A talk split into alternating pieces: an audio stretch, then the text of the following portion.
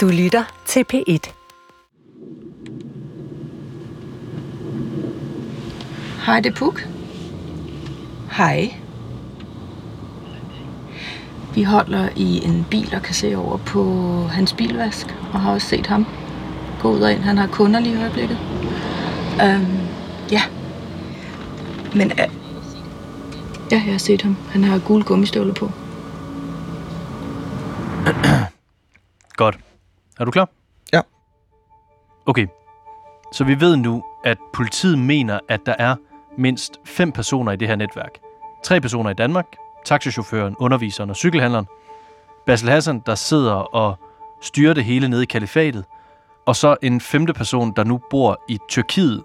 Ja, han har jo faktisk tidligere siddet mange år i fængsel i en anden terrorsag, men han har nu afsonet sin straf. Og så dukker han op i den her sag. Ja, og så er det jo her, hvor jeg rigtig gerne vil kunne fortælle, hvorfor den her mand tidligere har været dømt for terrorisme, hvad det er, han har planlagt, hvordan han blev anholdt, og hvad han blev dømt for. Men det kan jeg ikke. Det kan du ikke. For der er navneforbud i den her dronesag i Danmark, og det betyder, at vi ikke kan fortælle, hvilken sag det er, han tidligere er dømt i, eller hvad det præcis er, han bliver dømt for dengang. Det eneste, vi kan fortælle, det er, at han nægtede sig skyldig i alle anklager dengang, men alligevel blev straffet ret hårdt. Og nu dukker den her dømte terrorist så pludselig op i ny terrorsag i Danmark. Det i sig selv, det er altså ret bemærkelsesværdigt. Ja, det han jo er sigtet for, det er, at ifølge politiet, så har taxichaufføren overdraget det droneudstyr, han køber ned hos Toga Frederik, til den her mand i Tyrkiet, med henblik på, at det så skulle videreleveres til islamisk stat. Mm. Og lige siden politiet de anholdt taxichaufføren i efteråret 2017, Altså for cirka halvandet år siden. ja, der har den her mand i Tyrkiet faktisk været efterlyst internationalt. Han er altså på fri fod, og det er ikke lykkedes for dansk politi at få ham anholdt. Så vi tænker selvfølgelig, at ham vil vi jo rigtig gerne tale med. Vi ved bare ikke lige, hvordan vi skal finde ham.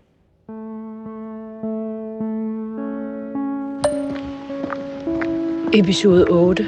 Bilvaskeren i Bursa.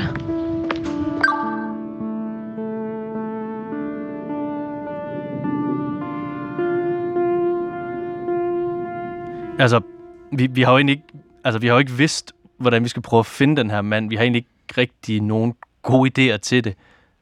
Og så er det den her fredag aften, klokken den har passeret 22, og vi er egentlig gået på weekend for længe siden også to. Og så dukker der bare lige pludselig noget op. Ja, for selvom vi to vi er gået på weekend, så er vores kollega Mette ikke gået på weekend. Hun bruger sin fredag aften på at sidde og søge lidt på nettet efter den her mand. Og det eneste, hun ved, det er jo, at han er fra Tyrkiet, og så ved hun, hvad han hedder. Men umiddelbart, så er der ikke så meget resultat ved det. Nej, hun finder ikke rigtig nogen, der matcher. Men så er det, hun får en idé. Prøv at gå igennem, hvad det var, vi fandt ud af den anden dag. Jeg sidder på Facebook fredag nat. Vi ved jo, at Basil Hassan han har opholdt sig en del i området omkring den tyrkiske by Bursa. Og Mette tænker, at den her internationalt efterlyste mand, der jo er sigtet for at være en del af Basil Hassans netværk, måske også har en relation til byen Bursa. Så hun åbner Facebook, søger på Bursa i kombination med personens navn. Altså den person, vi prøver at finde. Yes. Og så kommer der forskellige op. Og så går, så går jeg ind på alle mulige forskellige profiler, der hedder det. Og så er der en af de her profiler, der får hende til at stoppe op. Og så kigger jeg på vennerne. Og så synes jeg, så kan jeg se, at der er en af vennerne, der har læst i København. Okay. Og så tjekker jeg egentlig bare resten af vennerne ud, og så, så kan jeg bare se, at der er flere, der enten har boet eller bor i Danmark. Og så er det, du skriver til os. Så skriver jeg til jer. Mette, hun sender den her profil ud i sådan en fælles chatgruppe, vi har. Og så går vi alle sammen i gang med at dissekere indholdet af den her profil. Ja, vi kan jo se, at den er, den er relativt ny. Men den har ikke et profilbillede af en person. I stedet så er der en vaskehal, så vi kan umiddelbart ikke lige bruge det her billede til at sige noget om, det rent faktisk er den person, vi leder efter, der også står bag den her profil. Nej, men så kan vi se, at profilen kun har 35 venner. Og det er jo ikke særlig meget. Nej, men de venner, der til gengæld er, de er meget interessante for os, for flere af dem er fra Danmark, og to af vennerne, det viser sig at være nogle profiler, der har samme navn som søsteren og moren til den person, vi leder efter. Så det her er jo potentielt en ret stor ting, vi er ved at finde ud af den her fredag aften.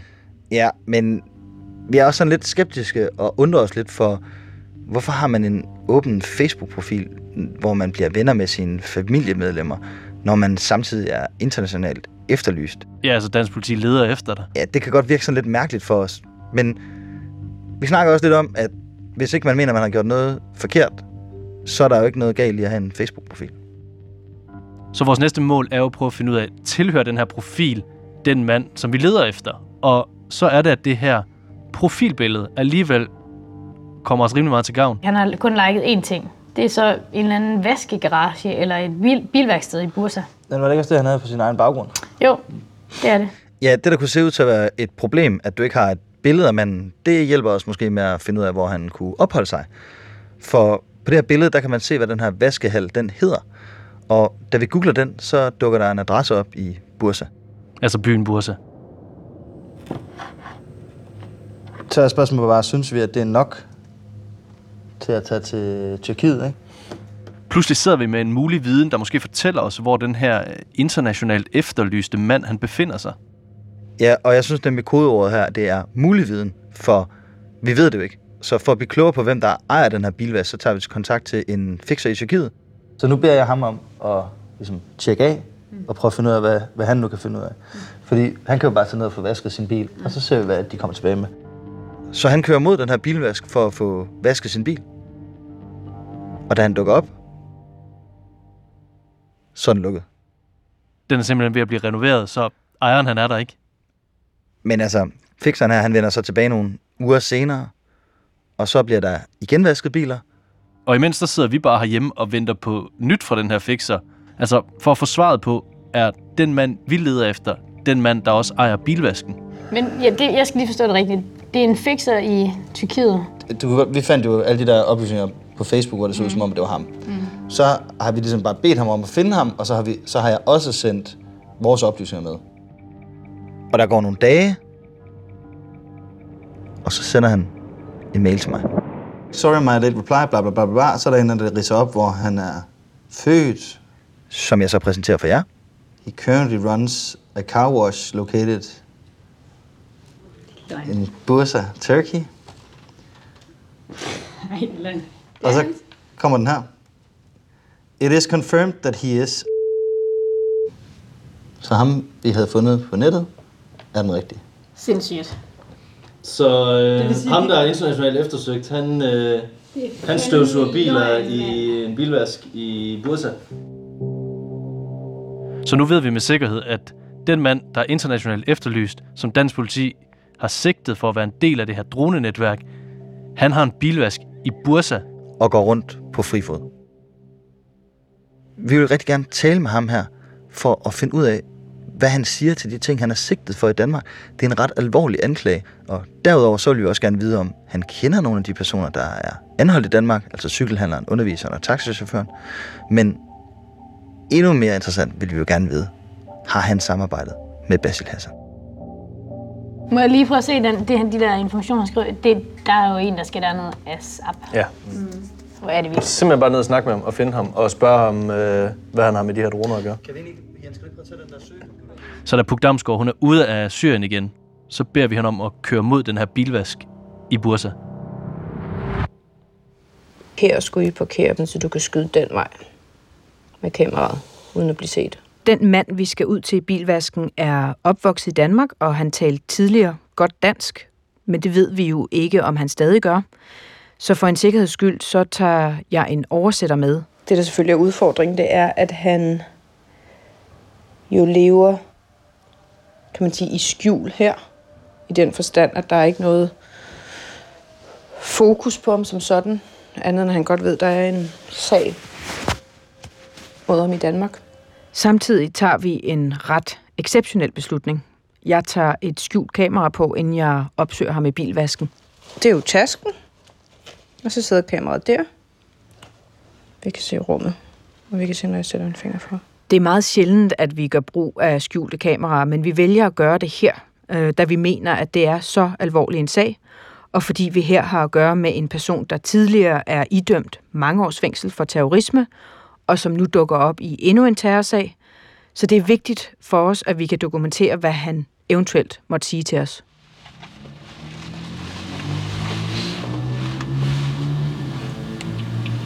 What if we think there's no customers, and then we go in and then we can't see him because he's gone out of a back door? Vi kører, vi kører afsted mod Bursa, og vi finder så øh, den bilvask, hvor han angiveligt opholder sig. I bilen øh, er vi øh, oversætteren, fixeren og mig selv, og vi finder så en, et sted at parkere, hvorfra vi kan holde øje med bilvasken. Øh, jeg vil gerne sikre mig, at han er derinde, inden jeg overhovedet begynder at, at gå derind. Og vi er i en sådan en minivan med tonede ruder, så vi rent faktisk kan sidde i den og kigge over mod bilvasken, uden at han eventuelt kan få øje på os. Og der sidder vi og venter i noget tid. Is. Så kommer der pludselig en mand ud af bilvasken, som ligner den mand, jeg har set et billede af. Og det mest markante ved ham er, at han har gule gummistøvler på. Vi har set ham komme gående fra sidegaden her og ind i sin bilvask.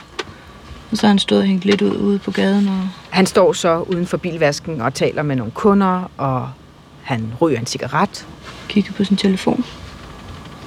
Men nu kan vi se øh, vandet, der sprøjter fra ind i bilvaskhallen. Så han er ved at vaske en bil, der kom nogle kunder. Jeg går ikke ind med det samme, da jeg ser ham, fordi der er kunder i bilvasken, og jeg vil gerne ankomme øh, på et tidspunkt, hvor der ikke er kunder, fordi så er sandsynligheden for, at han vil tale øh, større, går jeg ud fra.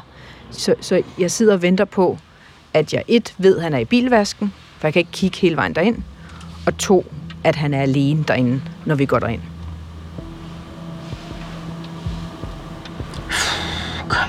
Guys.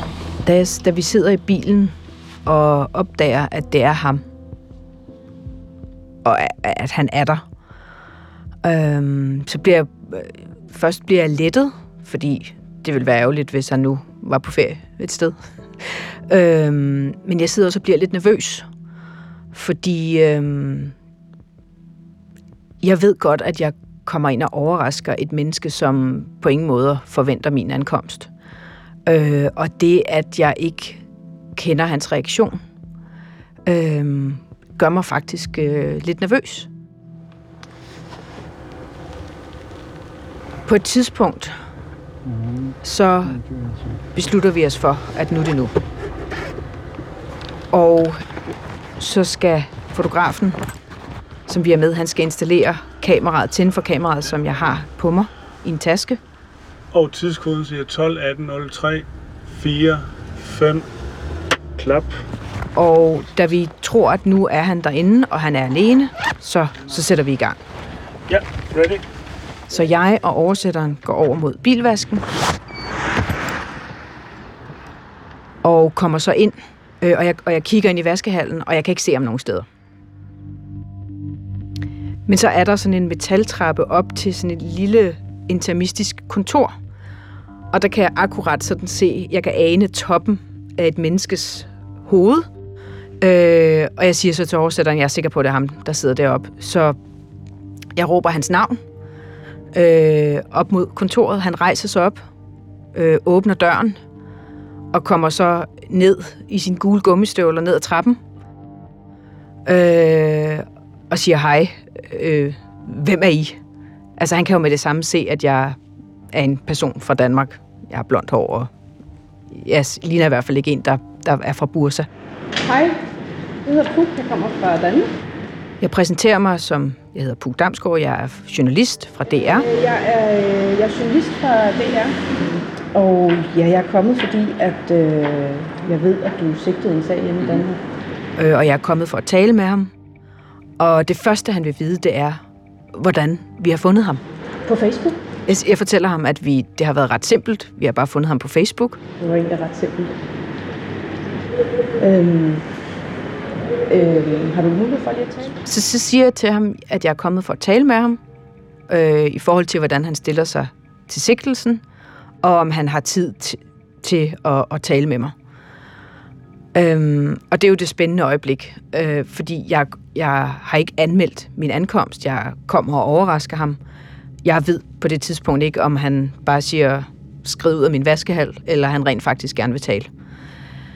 Men så siger han, kom ind. Øhm, og han viser mig så op af trappen op på kontoret, og spørger så, om jeg vil have en kop te. Øhm, og så siger jeg til ham, nej, det skal han ikke, det skal han ikke tænke på. Men det reagerer han ligesom ikke på, så han går med det samme tilbage ned ad trappen. Øh, og jeg tænker, hvor, hvor skal han hen?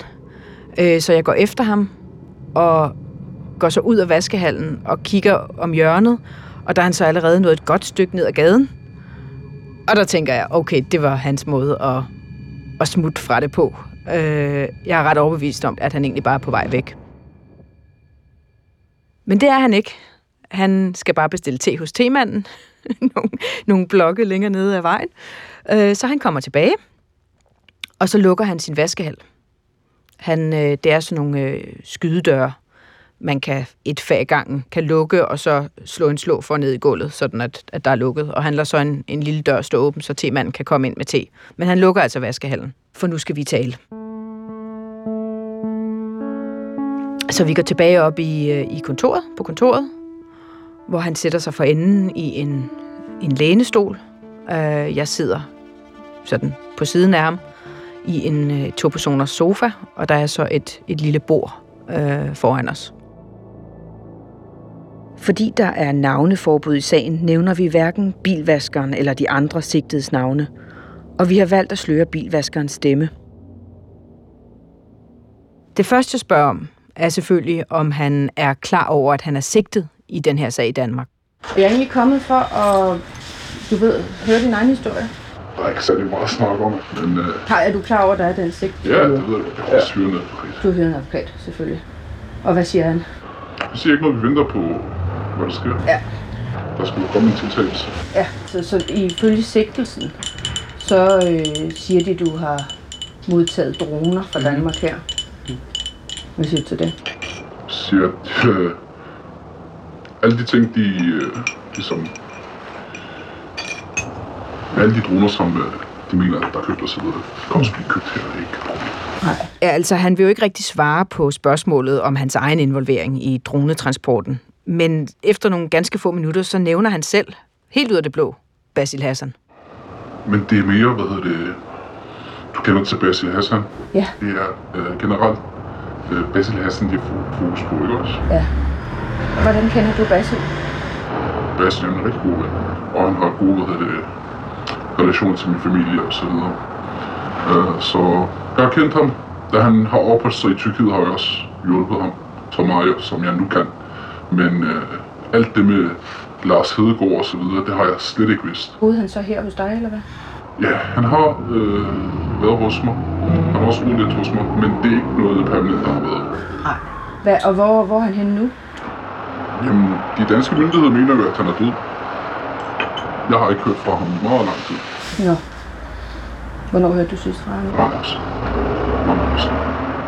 Han tror altså ikke, at Basil Hassan er i live længere. Så derfor så prøver jeg at dreje samtalen tilbage på, om han selv er skyldig i den sigtelse, der ligger mod ham i Danmark. Så i forhold til den tiltale, der muligvis kommer ja. på et eller andet tidspunkt, altså, er, er du helt uskyldig i det, eller altså, hvor... hvor Ikke, ikke fordi jeg, jeg er helt uskyldig, men øh, Så han siger selv, at han ikke er helt uskyldig. jeg ved i hvert fald, at øh, Danmark på en eller anden måde kommer ud efter. Hvad der præcis ligger i det, det uddyber han ikke. Så derfor går jeg i gang med at spørge øh, til de andre personer, der er fængslet i Danmark. Og først så spørger jeg til taxichaufføren. Hvad, der er også øh, en, der som er nævnt Ja. i... Ja, er det også din ven, eller ham kender du også? Det, det, er en, det er en bekendt, men jeg kan ikke sige, at jeg kender ham så så meget. Fordi Okay. det er meget lang tid siden, jeg har været Ja. forladt Danmark. Ja. Så jeg har haft kontakt til men øh, droner og så videre. Jeg, jeg kan ikke forstå, hvordan de øh, forbinder mig med det, fordi jeg har mulighed for at købe alle de ting her i Tyrkiet. Mm. Kan jeg ikke lige sige, at, hvad hedder det, hvorfor jeg skulle bruge til at købe alle de ting, når jeg har mulighed for at købe det her. Mm. Men du sagde jo øh, også tidligere, at du er ikke helt uskyldig. Altså, hvad hvordan skal man Altså, jeg har haft kontakt med og Om, om hvad? Altså, jeg har, jeg, jeg har haft kontakt med ham på en eller anden måde, og så har jeg øh, mødt ham et par gange her i Tyrkiet. Ja. Det er det. Så bilvaskeren har altså mødtes med taxichaufføren i Tyrkiet et par gange. Og hvad lavede I der? Altså, er det, er det vel uskyldigt nok, hvis I bare drikker kaffe? Eller? Nej, men hvad er det... Jeg har, som sagt, jeg har mødt ham et par gange, og Ja. jeg har hjulpet ham her i Tyrkiet Ja. med at, øh, med at øh, finde rundt og så videre. Men øh, ikke noget hensyn til Syrien. Men øh, ja, jeg har haft kontakt med ham, og det er ikke noget, jeg, det, jeg, Mm. jeg gemmer mig fra. Men øh, hvad han har lavet og så videre, det, ikke. Mm. Men han er en god person. Øh, han er en god fyr. Men jeg håber, han kommer med det ud så hurtigt så hurtigt. Men når du siger, at du har hjulpet med at finde vej, det er vel heller ikke... Nej, med at finde vej her i Tyrkiet, fordi han, hans tyrkiske er rigtig, rigtig dårligt. Nå. Rigtig, rigtig dårligt. Det er bare det der hej, hvordan går det. Altså. Mm. Men øh, jeg har set ham et par gange i, i Istanbul, og det, det er faktisk det. Han fortæller, at han faktisk har kontakt til taxichaufføren, og at de taler sammen, men han nægter at have noget med taxichaufførens dronekøb at gøre. Hvor kender du ham fra? Jeg tror, det, det er via en, en, en ven, jeg kom til at kende ham. Okay. Jeg kan ikke huske, hvem, men... Nej. Via Basil måske? Nej, ikke Bass. Bass kender ham slet ikke. Han kender ham slet Jeg kender ham slet ikke. Jeg tror, der, de har mødt hinanden et par gange i Danmark, men det er det. Før alt det, det med deres Ja. Så han fortæller mig, at øh, så vidt han ved, så har taxichaufføren og Basil Hassan mødt hinanden nogle gange i Danmark i årene inden attentatet mod Lars Hedegaard, og at han selv kender taxichaufføren. Og også er det, at han siger, at han ikke mener, at de danske myndigheder har beviser for, at taxichaufføren har sendt droneudstyret ned til ham. Ikke fordi de har nogle beviser på det, men øh, jeg snakker med min advokat, de siger, at øh, vi har haft nogle samtaler med... Og de siger, at hvad hedder det, de tror, at det er min stemme. De tror, hvad De tror, at det er min stemme, som indgår i de samtaler. Okay. Altså, det er kun noget, de tror. Hvad er det for samtaler? Det har jeg ikke mening om. Han mener, at de danske myndigheder bare er ude efter ham, og at de forsøger at koble ham ind i, i den her sag for at få ram på ham på en eller anden måde. Men som sagt, øh, jeg mener, at øh, de danske myndigheder er lidt ude efter ham. Det har de været i meget, meget lang tid. Og det er meget på grund af Bassi, fordi de ved godt, at vi har haft kontakt. Ja. Og øh, så det er ikke noget, hvad hedder det, jeg, jeg løber væk fra. Mm. Altså, jeg har haft, øh, han er min ven, Så bilvaskeren fortæller, at han er nære venner med Basil Hassan, og at han har hjulpet taxichaufføren rundt i Tyrkiet. Så er jeg jo selvfølgelig interesseret i at vide, om han også kender cykelhandleren og underviseren. Jeg spørger først til cykelhandleren. Der er også en i sigtelsen, der hedder... Du kender ikke... Og så spørger jeg til underviseren. kender jeg godt. Ja. Men jeg advarede på et tidspunkt. Han havde også kontakt med Bassi. Jeg ved ikke, hvor meget du kender til sagen. En del, men jeg har ikke det fulde år. Men øh, det var noget med, at øh, Basil han havde givet ham en, en USB, hvor der var en hel, alt mulige ting. Altså ting, som, er, som ikke er så godt. Ja. De danske myndigheder tog ham ind, øh, på grund af Basil Hassan også havde hvad hedder det, adresse hos ham, tror jeg. Ja. Så efter det, da de fandt USB'en, så har politiet advaret ham. De sagde til ham, at hvad hedder det, vi har nok hvad hedder det, beviser, og hvad hedder det, for dig tiltalt en sag. Ja. Men de har ventet i lang tid. Ja. Så bilvaskeren, han bekræfter altså det, vi har hørt, nemlig at der blev fundet et USB-stik hos underviseren. Og snakkede med mig. Han sagde, der var også sådan, sådan en USB og så videre. Så jeg sagde, hør her, du skal... Tror du, det er bedre for dig at pakke sammen og, og så muligt også? Mm. Men øh, Hvad- var der på den USB, der var så dårlig? ja, alle mulige ting. Hvad hedder det? Bombemanual og så videre og så videre. Ja.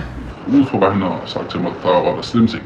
Hvad vi tidligere har hørt, er jo, at på det her USB-stik, der er der bombemanualer og en video, hvor en øh, person, der angiveligt er Basil Hassan, laver en bombe. Og var det noget, han selv havde, eller noget? Nej, det var noget, som Basil Hassan havde givet ham. Ja. Som han så skulle gøre hvad med? Nej, øh, det var bare en USB. Mm. Øh, så vidt jeg ved, at øh, der var nogle andre informationer, som han ville give ham. Mm. Men øh, han havde bare kopieret hele USB'en med alt det indhold, der var i. Mm. Så han havde øh, bare det sammen. Mm. Altså Basil Hassans personlige ting, plus noget, som der skulle gå til. Så ifølge bilvaskeren, så er det USB-stik, der bliver fundet hos underviseren, det er noget, som Basil Hassan har givet ham. Okay, okay. Ja. Så, så det er ligesom, du tænker, at det er Basil, der ligesom har stået for alt det her, eller hvad? Ja, det er det.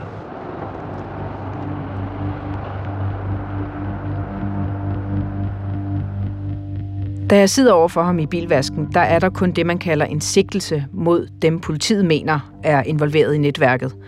Og anklagemyndigheden arbejder på anklageskriftet, så jeg spørger ham, hvad han vil gøre, hvis han ender med at blive tiltalt i sagen. Hvordan tænker du at stille dig i forhold til, til, til hvis, når der kommer en tiltale? Jeg har det fint med det. Jeg har det fint med det. Altså, myndighed, de er irriterende. Mm. Lad os se. Det er ikke fordi, jeg frygter noget som helst. Og jeg tror heller ikke på, at øh, de tyrkiske myndigheder vil, vil sende mig til Danmark på nogen som helst måde. På det her tidspunkt, der ved han stadig ikke, at jeg har optaget hele vores samtale. Og jeg spørger ham to gange, om han vil stille op til et enkelt interview. Men det siger han nej til.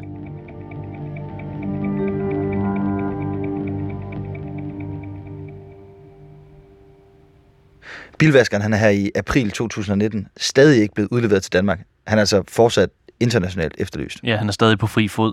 Og vi har bedt bilvaskerens advokat Bjørn Elmqvist om at kommentere på de kritikpunkter, der er. Øh, men han har ikke ønsket at kommentere på konkrete ting i sagen. I stedet for så siger han, at domstolene de har mørklagt den her sag, hvilket som forsvar hindrer mig i at agere i forhold til min klient. Af retssikkerhedsprincipper bør alle andre også respektere den her hemmeligholdelse.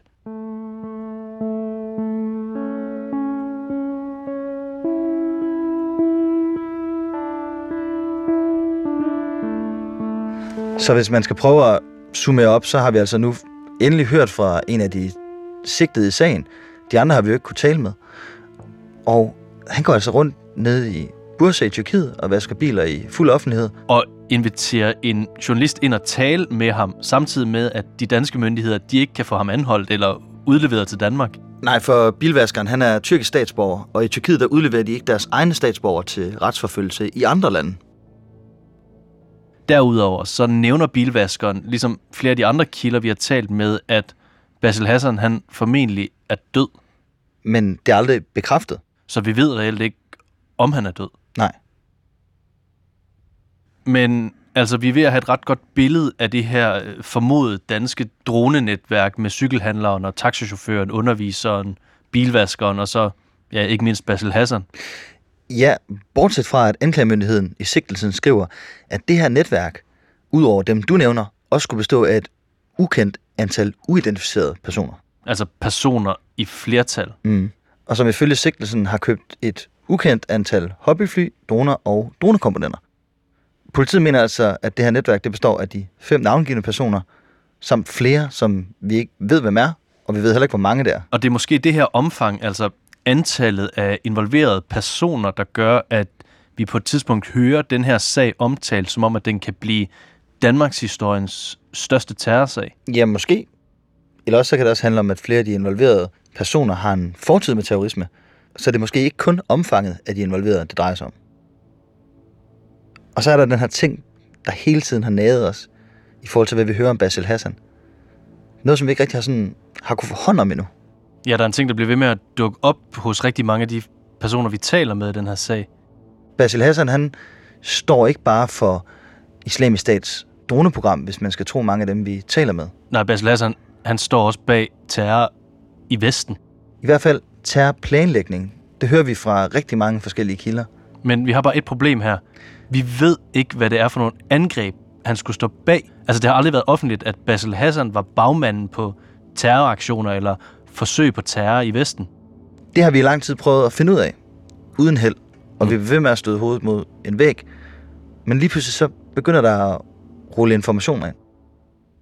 Vi begynder faktisk at få nogle informationer om, at vi skal begynde at kigge mod Australien. Hvor at der er et terrorangreb, der er gået galt. Altså blevet afværet. Ja, eller nogen har måske været heldige, men det bliver sådan helt mærkeligt og kulørt, for det våben, Basil Hassan han har valgt at bruge, det er en kødhakker.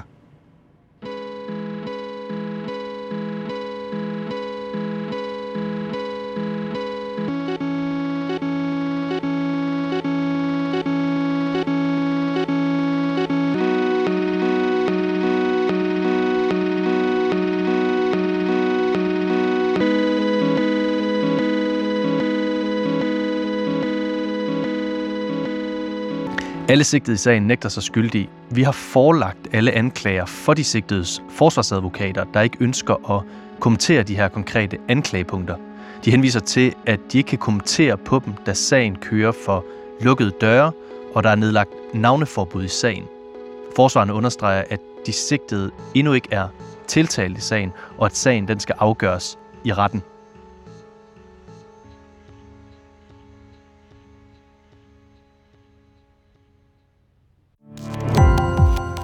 Gå på opdagelse i alle DR's podcast og radioprogrammer. I appen DR Lyd.